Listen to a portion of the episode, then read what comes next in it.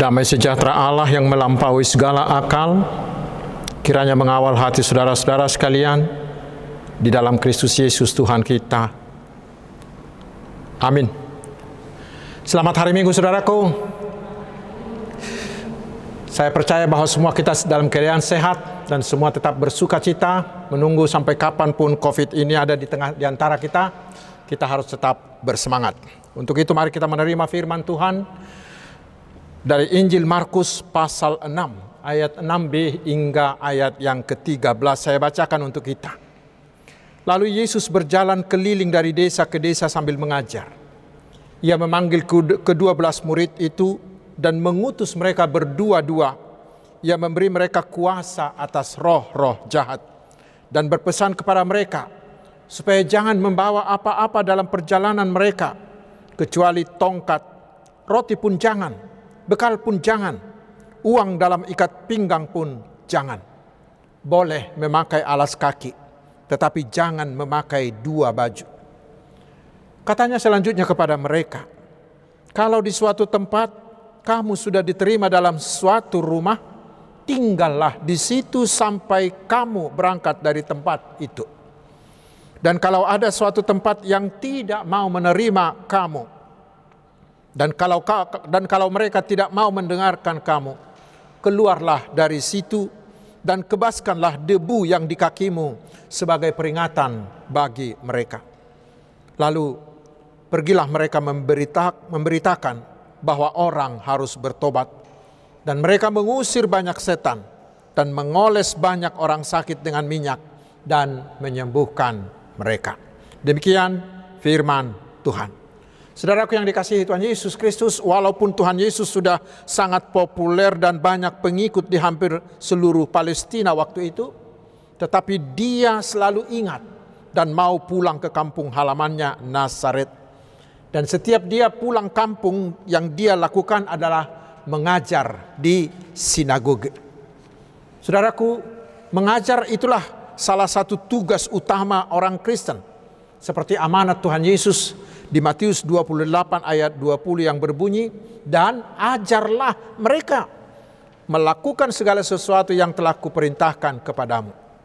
Adalah tugas kita mengajar setiap orang agar mereka tahu, agar mereka mau menerima bahwa Tuhan Yesuslah satu-satunya juru selamat yang sempurna dan agar semua orang mau melakukan apa yang didengarnya dari Tuhan Yesus. Saudaraku, mengajar adalah tugas yang harus terus-menerus dilakukan. Dan kita juga sebagai seorang murid Tuhan Yesus, kita harus juga mau belajar tentang Kristus. Saudaraku, bila kita mau memberi perhatian penuh akan tugas mengajar ini dalam arti yang seluas-luasnya, maka saya yakin HKBP pasti bisa menjadi berkat bagi bangsa ini. Mengapa? Karena dengan mengajar itulah budi pekerti kita dan budi pekerti anak-anak kita akan semakin baik. Saudaraku, setelah mengajar Dikatakan semua orang takjub mendengar pengajaran Yesus karena pengajarannya itu sangat-sangat berkuasa. Mengapa? Karena kuasanya datang dari Allah dan Yesus sendirilah firman yang diajarkannya. Tetapi apa yang terjadi dengan orang banyak? Ternyata sayang sekali di perikop sebelum Nats ini mereka hanya takjub saja. Ternyata mereka tidak mau, bahkan mereka menolak kehadiran Tuhan Yesus. Mengapa bisa seperti itu? Yaitu karena mereka hanya melihat sisi kemanusiaan Yesus sebagai anak Yusuf, teman sekampung mereka, tetangga mereka. Karena itulah ketakjuban mereka segera berubah menjadi penolakan dan di ayat 6a dikatakan Yesus sendiri heran mengapa teman-teman sekampungnya bersikap seperti itu. Walaupun di ayat 4 Yesus sudah mengatakan seorang nabi dihormati di mana-mana kecuali di tempat asalnya sendiri di antara kaum keluarganya dan di rumahnya. Lalu sekarang apa akibat dari penolakan tersebut? Ya, Yesus tidak ada melakukan mujizat di sana. Ingat itu saudaraku. Bila kita menolak Tuhan Yesus, maka kuasa Yesus itu tidak akan tersalur kepada kita. Dan siapa yang rugi? Kita sendiri bukan? Karena itu saudaraku biarkanlah kuasa Yesus itu terjadi atas kita. Mari terima buka dirimu seluas-luasnya supaya Yesus berkarya di dalam kita. Lalu selanjutnya di perikop kita hari ini dikatakan Yesus mengutus murid-muridnya. Kalau di HKBP mungkin ini semacam praktek sebelum seseorang menerima tahbisan menjadi pelayan penuh waktu Inilah permulaan praktek lapangan bagi murid-murid Yesus. Karena tidak lama lagi Yesus akan naik ke sorga dan tugas pemberitaan Injil akan diserahkan kepada murid-muridnya. Sekarang mari kita coba telaah pengutusan ini lebih lanjut dan mari kita mengambil beberapa mm, nasihat, beberapa renungan bagi kita. Yang pertama kita baca di ayat 12. Ayat 12 ini mengingatkan kita saudaraku bahwa semua murid-murid Yesus harus berangkat keluar. Tidak boleh hanya tinggal di zona aman. Tidak boleh hanya mengikut Tuhan Yesus. Tidak boleh hanya di sekitar Tuhan Yesus. Tidak boleh. Tetapi kita harus pergi keluar. Itulah tugas kita. Itulah tugas gereja Itulah tugas parhalado, itulah tugas dari ruas. Tidak boleh merasa cukup bila kita sudah melakukan pelayanan di seputar gereja. Baik dengan ibadah minggu, dengan pertanggiangan, dengan sermon kategorial dan lain-lain. Tidak cukup. Tetapi murid-murid Yesus kita-kita ini harus pergi keluar. Karena itu adalah karena itulah ada orang yang mengatakan gereja harus punya roda.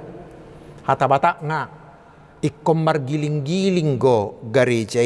Artinya kita harus membawa gereja kepada orang lain di tempat mereka bekerja, di tempat mereka hidup, di tempat mereka beraktivitas. Gereja harus menjadi gereja yang mendatangi, bukan hanya didatangi saja. Itulah gereja yang misioner, itulah gereja yang diutus.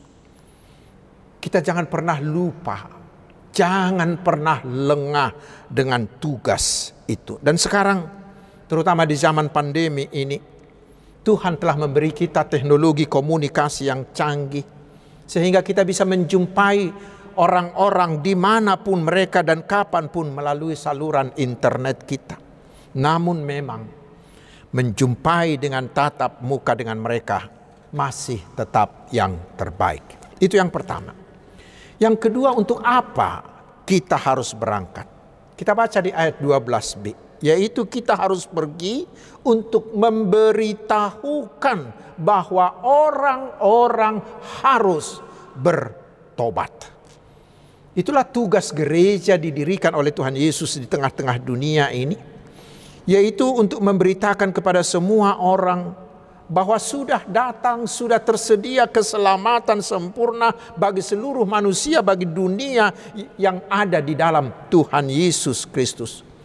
Sekarang tugas kita sebagai murid-murid adalah memanggil semua orang-orang agar mau bertobat dari dosa-dosanya dan mau percaya dan mau menerima Tuhan Yesus dan dosa-dosanya akan diampuni, lalu mereka akan selamat dan mereka akan turut masuk ke dalam kehidupan kekal.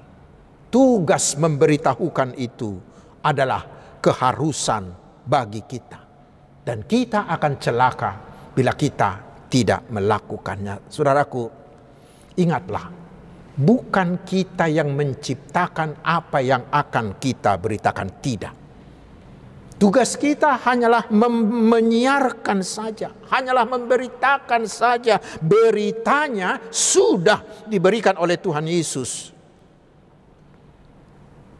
yaitu semua yang telah diberitakan Yesus kepada murid-muridnya yaitu firman Allah yang tertulis di dalam Alkitab kita. Karena itulah, agar kita bisa melakukan tugas ini, kita harus terlebih dahulu tanda kutip dirasuki oleh firman Tuhan.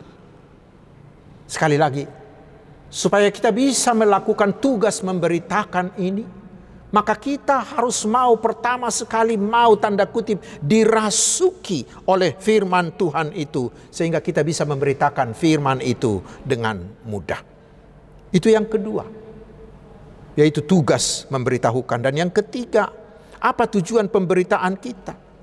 Yaitu memanggil orang-orang agar bertobat supaya mereka berbalik dari jalan iblis yang akan membawanya kepada binasa, mereka berbalik 180 derajat, berbalik arah ke jalan Tuhan yang menyediakan keampunan dosa, menyediakan keselamatan dan kehidupan yang kekal.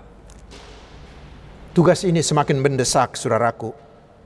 Karena di zaman kita sekarang ini semakin banyak orang yang berjalan di jalan iblis Sampai-sampai ada orang yang mengatakan bahwa manusia sekarang sudah banyak manusia sekarang yang lebih kesetanan ketimbang setan itu sendiri.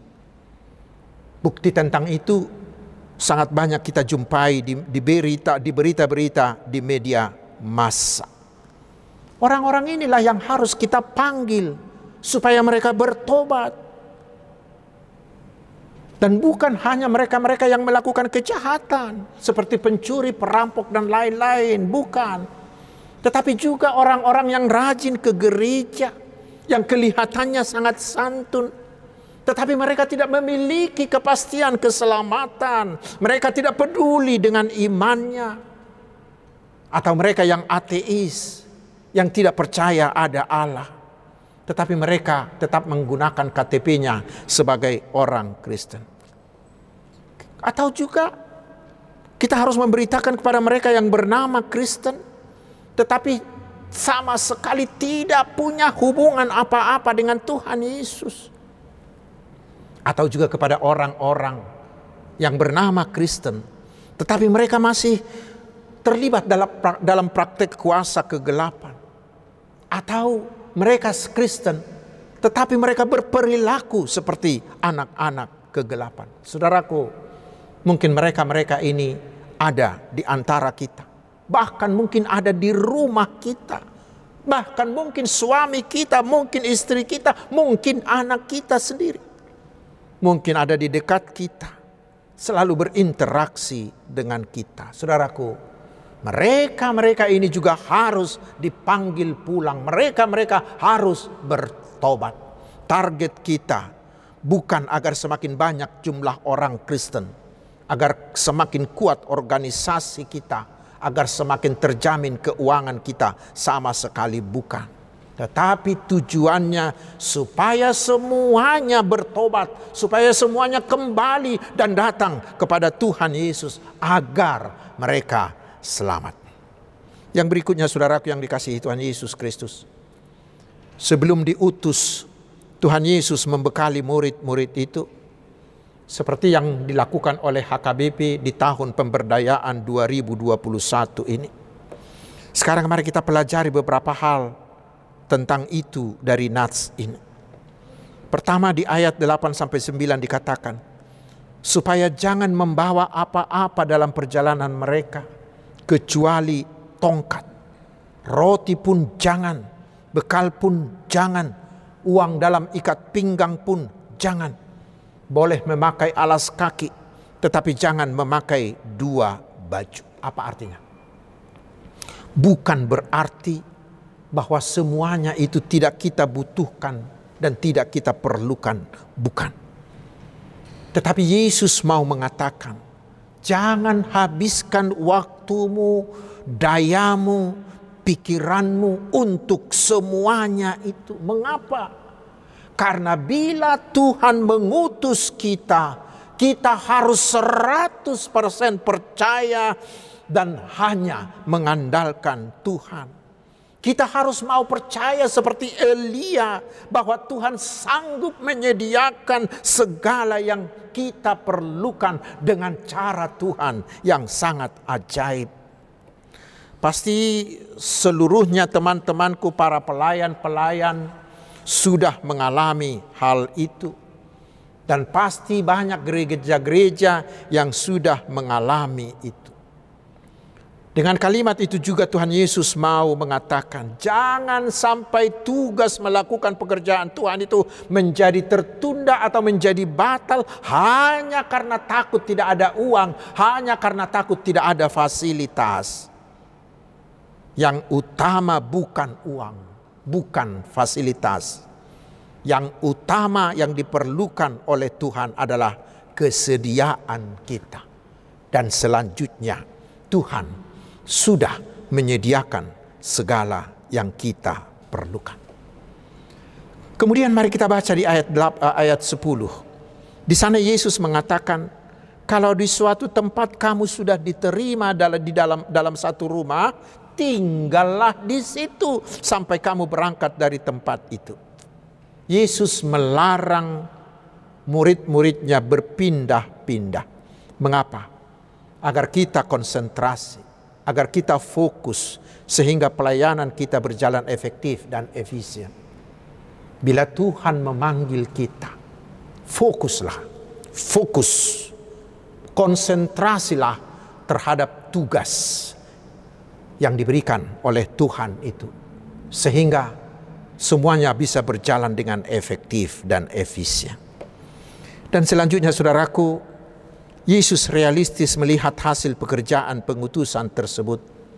Karena di ayat 11 Yesus mengingatkan para murid dan mengingatkan kita juga hari ini bahwa bila kita melayani tidak akan semua mau menerimanya. Ingat, bila kita memberitakan firman Tuhan tidak akan semua mau menerimanya. Selalu ada saja yang menolak. Yang perlu sekarang, bagaimana sikap kita terhadap mereka yang menolak. Di sini Yesus mengatakan, "Keluarlah dari situ dan kebaskanlah debu yang di kakimu sebagai peringatan bagi mereka." Apa artinya itu? Yaitu kita sudah terbebas dari pertanggungjawaban atas darah mereka. Bukan kita yang tidak mau memberitakan, tetapi mereka sendiri yang menolak. Hal ini persis sama dengan firman Tuhan kepada Yehezkiel. Di Yehezkiel 33 ayat 7 hingga ayat 9. Tugas kita adalah memberitakan, mengingatkan, memanggil mereka untuk pulang. Tetapi keputusan tetap ada di tangan pendengar, di tangan mereka. Tetapi akibat yang mereka terima bergantung pada sikap mereka terhadap pemberitaan kita itu. Bila mereka menerima, mereka akan bertobat, lalu mereka akan selamat. Tetapi bila tidak, mereka akan binasa di neraka kekal. Namun saudaraku, mereka yang menolak ini tetap menjadi pekerjaan rumah kita yang harus terus-menerus kita doakan. Jangan dibenci, tetapi harus terus-menerus kita doakan. Tetapi dengan nats ini Yesus mau mengingatkan semua kita yang diutusnya. Jangan pernah menjadi putus asa, jangan pernah merasa menjadi gagal bila ada yang menolak. Lalu yang berikutnya saudaraku di ayat 7b dikatakan Yesus bahwa Yesus memberi kuasanya kepada mereka. Inilah jaminan bagi kita yang mau diutus. Letak kekuatan setiap pekerja bagi Tuhan bukanlah dan janganlah kemampuan diri kita sendiri. Itu tidak akan menghasilkan apa-apa tetapi haruslah terus-menerus mengandalkan kuasa Tuhan Yesus. Dan itu sudah terbukti pada hari Pentakosta. Ketika Yesus mencurahkan roh kudusnya kepada murid-muridnya, maka terjadilah hal yang luar biasa atas mereka. Murid-murid yang sebelumnya itu sangat ketakutan, yang tidak memiliki latar belakang yang patut diperhitungkan, yang tidak memiliki pendidikan yang mumpuni, tetapi lihat saudaraku, setelah mereka menerima kuasa Roh Kudus itu dalam waktu yang singkat saja, mereka mampu mengubah dunia. Mengapa? Karena kuasa Yesus sudah diberikan kepada mereka. Dan itulah yang dialami oleh orang-orang Kristen Itulah yang dialami oleh para pekerja-pekerja bagi Tuhan di sepanjang zaman. Dan di Markus 16 ayat 17 hingga 18 dikatakan, kuasa itu sudah diberikan Yesus kepada setiap orang yang percaya kepada Dia, kepada semua kita yang percaya kepada Dia. Apalagi kuasa Roh Kudusnya. Kuasa itu tidak terbatasi. Dia akan mampu melakukan apa saja dan mampu membuat bertobat si Saulus penyiksa Kristen itu bisa dibuatnya bertobat menjadi Paulus si pemberita Kristus itu. Saudaraku, kuasa itulah yang kita perlukan. Dan hanya kuasa itulah yang kita andalkan. Bila kita mau melakukan apa saja dalam pekerjaan Yesus, kuasa Yesus itu sajalah andalkan, maka semuanya akan berhasil. Yang terakhir mari kita lihat apa hasil dari praktek lapangan murid-murid itu. Kita baca di ayat 12 hingga 13. Mereka sangat berkuasa. Mereka sangat berkuasa, saudaraku. Itulah jaminan bagi kita. Bila kita mau memberi kita memberi diri kita diutus oleh Tuhan Yesus untuk melakukan pekerjaannya, maka pasti Tuhan Yesus menyertai kita, pasti akan memberikan kuasanya sehingga kita akan mampu melakukan seperti apa yang dilakukan oleh Tuhan Yesus sehingga semua pelayanan kita akan mengalami ledakan-ledakan atau keberhasilan-keberhasilan. Itulah doa kita.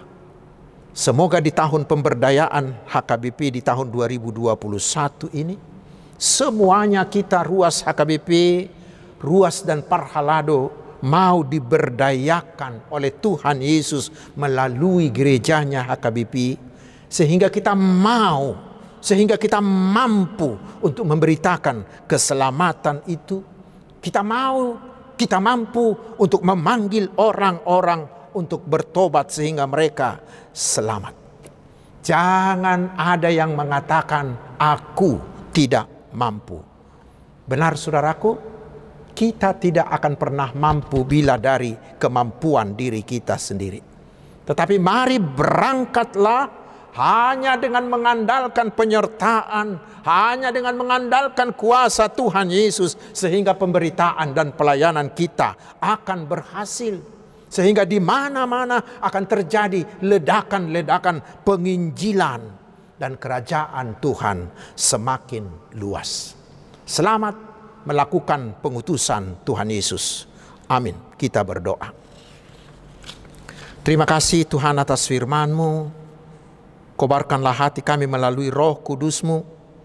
Agar semua kami parhalado maupun ruas mau engkau berdayakan di tahun pemberdayaan ini sehingga kami mau menjadi teman sekerjamu untuk memanggil orang-orang agar diselamatkan. Biarlah hati kami semuanya berkobar-kobar untuk menjadi utusanmu dan berilah keberhasilan bagi semua pemberitaan dan pelayanan dan pelayanan para utusan-utusanmu agar terjadi ledakan-ledakan penginjilan di mana-mana.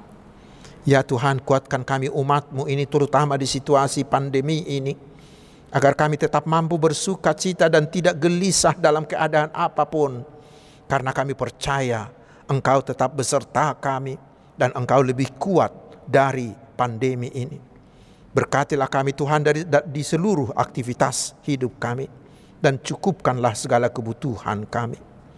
Ya Tuhan yang Maha Kuasa dan Maha Baik, Berkatilah pemerintah kami dan juga semua pemangku jabatan di semua aras. Dan berkatilah seluruh rakyat bangsa ini. Bersegeralah Tuhan memulihkan keadaan kami dan membuang virus ini. Terima kasih ya Tuhan. Terpuji namamu kekal selama-lamanya. Di dalam nama Tuhan kami Yesus Kristus dan kehendakmu lah yang jadi atas kami. Amin.